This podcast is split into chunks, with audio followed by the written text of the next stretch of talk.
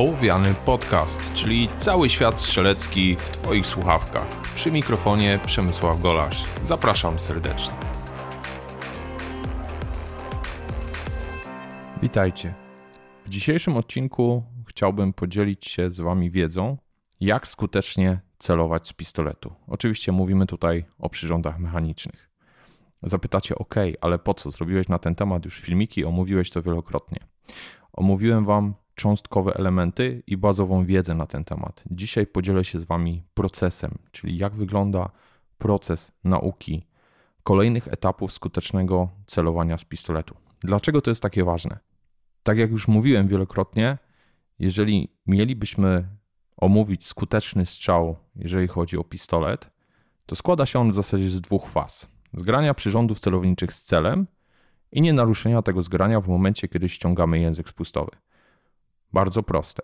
Ale co to oznacza w praktyce? W praktyce oznacza to to, że musimy mistrzowsko opanować dwie rzeczy: pracę na przyrządach celowniczych i pracę na języku spustowym.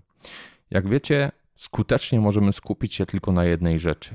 I to właśnie praca na języku spustowym jest sercem strzału, więc to na niej skupiamy się podczas strzelania. Ale co to oznacza?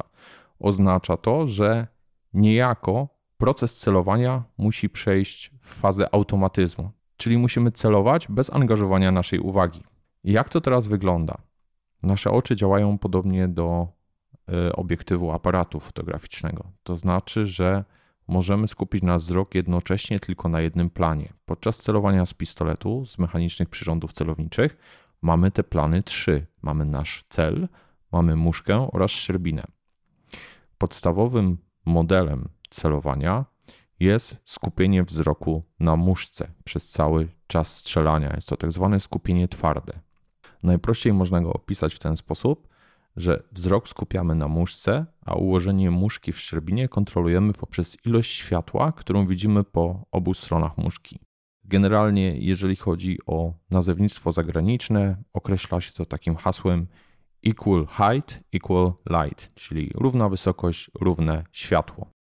Jeżeli chodzi o skupienie twarde, powinniśmy skupić wzrok na muszce. I ten wzrok powinien zostać tam skupiony przez cały czas strzelania. To znaczy, że jeżeli na przykład strzelamy 10 strzałów, to przez ten cały czas nasz wzrok pozostaje skupiony tylko i wyłącznie na muszce. Nie przerzucamy naszego wzroku na przykład na nasz cel, aby zobaczyć przestrzeliny.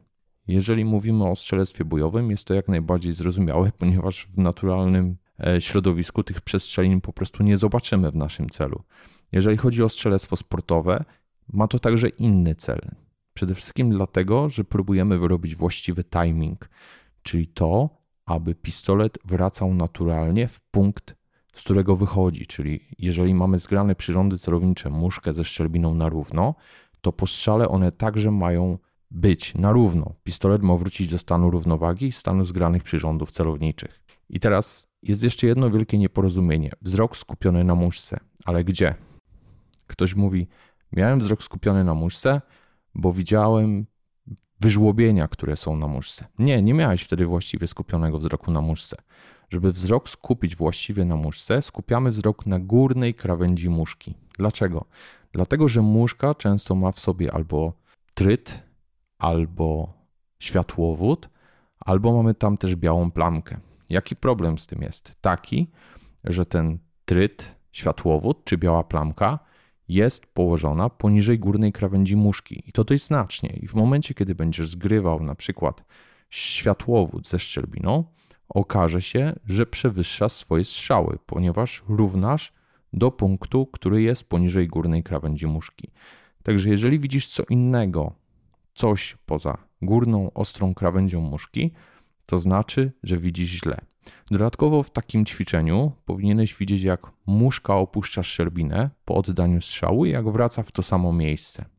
Jeżeli tego nie widzisz, powodem może być na przykład to, że mrugasz podczas strzelania. Często jest to nieświadomy proces, ale będziesz wiedział, że coś takiego może mieć miejsce, jeżeli nie będziesz w stanie zauważyć, jak muszka opuszcza szczerbinę lub po strzale wraca w to samo miejsce.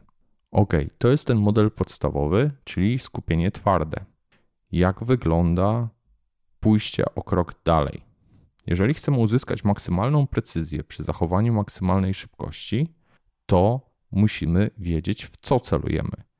Kiedy już skończyliśmy te pierwotne ćwiczenie tego twardego skupienia, czas na tak zwany shift focus, czyli skupiamy wzrok na górnej krawędzi muszki, a w momencie, kiedy pada strzał, przerzucamy nasz wzrok na cel, ale nie po to, żeby zobaczyć przestrzelinę, tylko żeby skupić nasz wzrok w miejscu, gdzie ma paść kolejny strzał. Nie patrzymy na cel jako całość, tylko wybieramy sobie dokładnie punkt trafienia po to, żeby zadziałała koordynacja oko-ręka i żeby nasze przyrządy celownicze ułożyły się dokładnie w tym punkcie. W momencie, kiedy przyrządy celownicze pojawią się w tym punkcie, z powrotem przerzucamy skupienie naszego wzroku na górną krawędź muszki, ułamek sekundy przed tym, zanim padnie kolejny strzał, aby potwierdzić prawidłowe zgranie przyrządów. Na początku ta technika będzie znacznie wolniejsza od tej pierwszej, więc będzie Wam się wydawało, że jest to krok w tył. Tak naprawdę jest to progresja, ponieważ kiedy przyzwyczaicie się do tego procesu zmiany punktu skupienia wzroku, zobaczycie, że jesteście w stanie strzelać znacznie szybciej i znacznie precyzyjniej. Pomyślcie sobie, jaki sens jest, aby skupiać wzrok na muszce, kiedy ona jest zupełnie poza punktem celowania. Przyrządy w tym momencie nie są zgrane.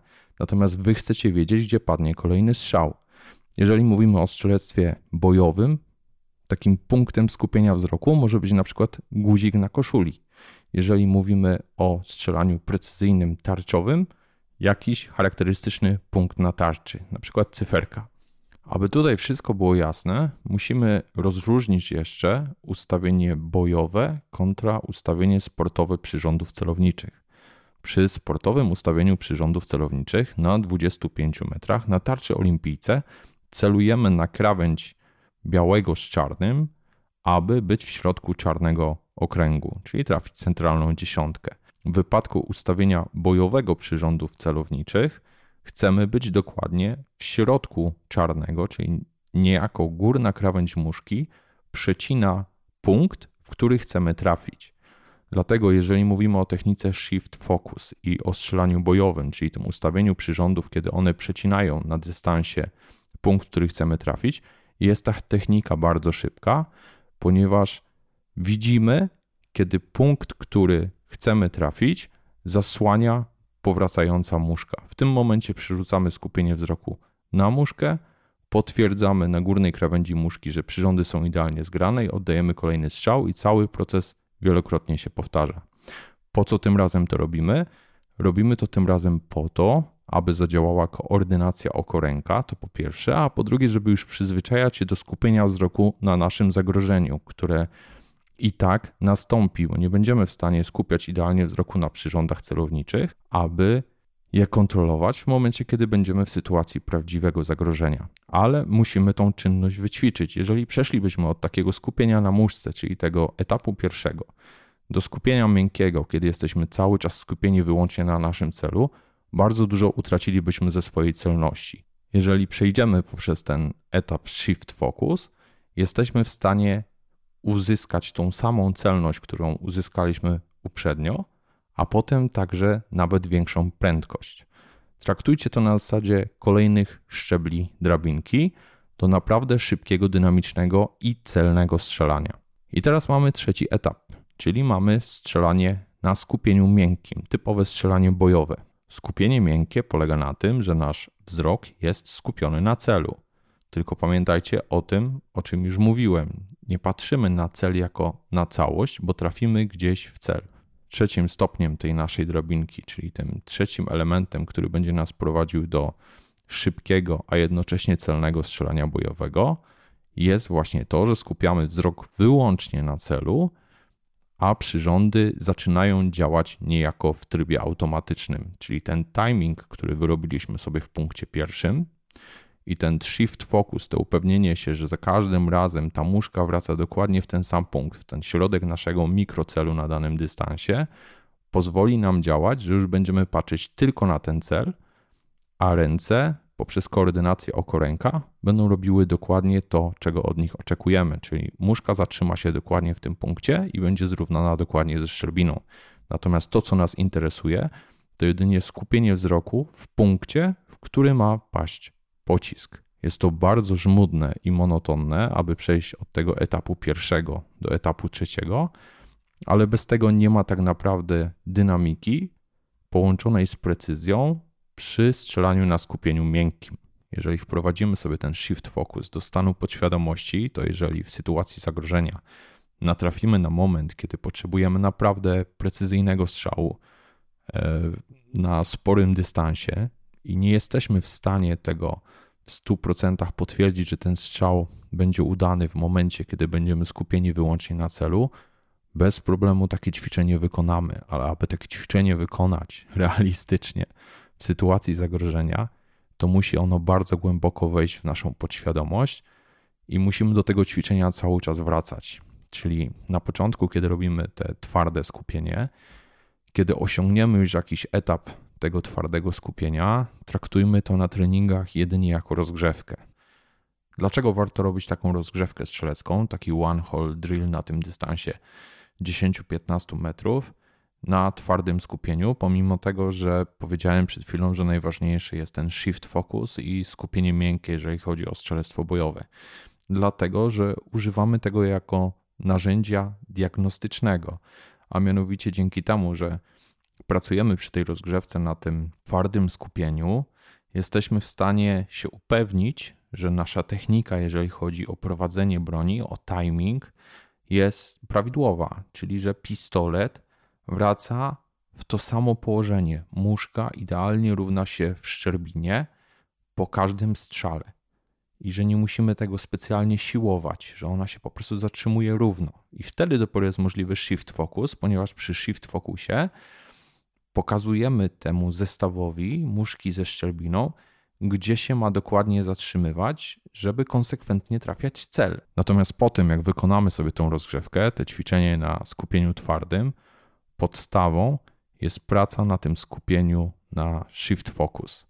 Dlatego, żebyśmy byli w stanie wprowadzać maksymalną precyzję i skracać ten czas tego przerzucenia naszego wzroku. Oko się musi do tego przyzwyczajać. Możemy sobie robić takie ćwiczenia bezstrzałowo na zasadzie, że mamy bardzo bliski, bardzo daleki punkt i staramy się bardzo szybko przerzucić skupienie naszego wzroku na przykład pomiędzy palcem i jakimś odległym punktem.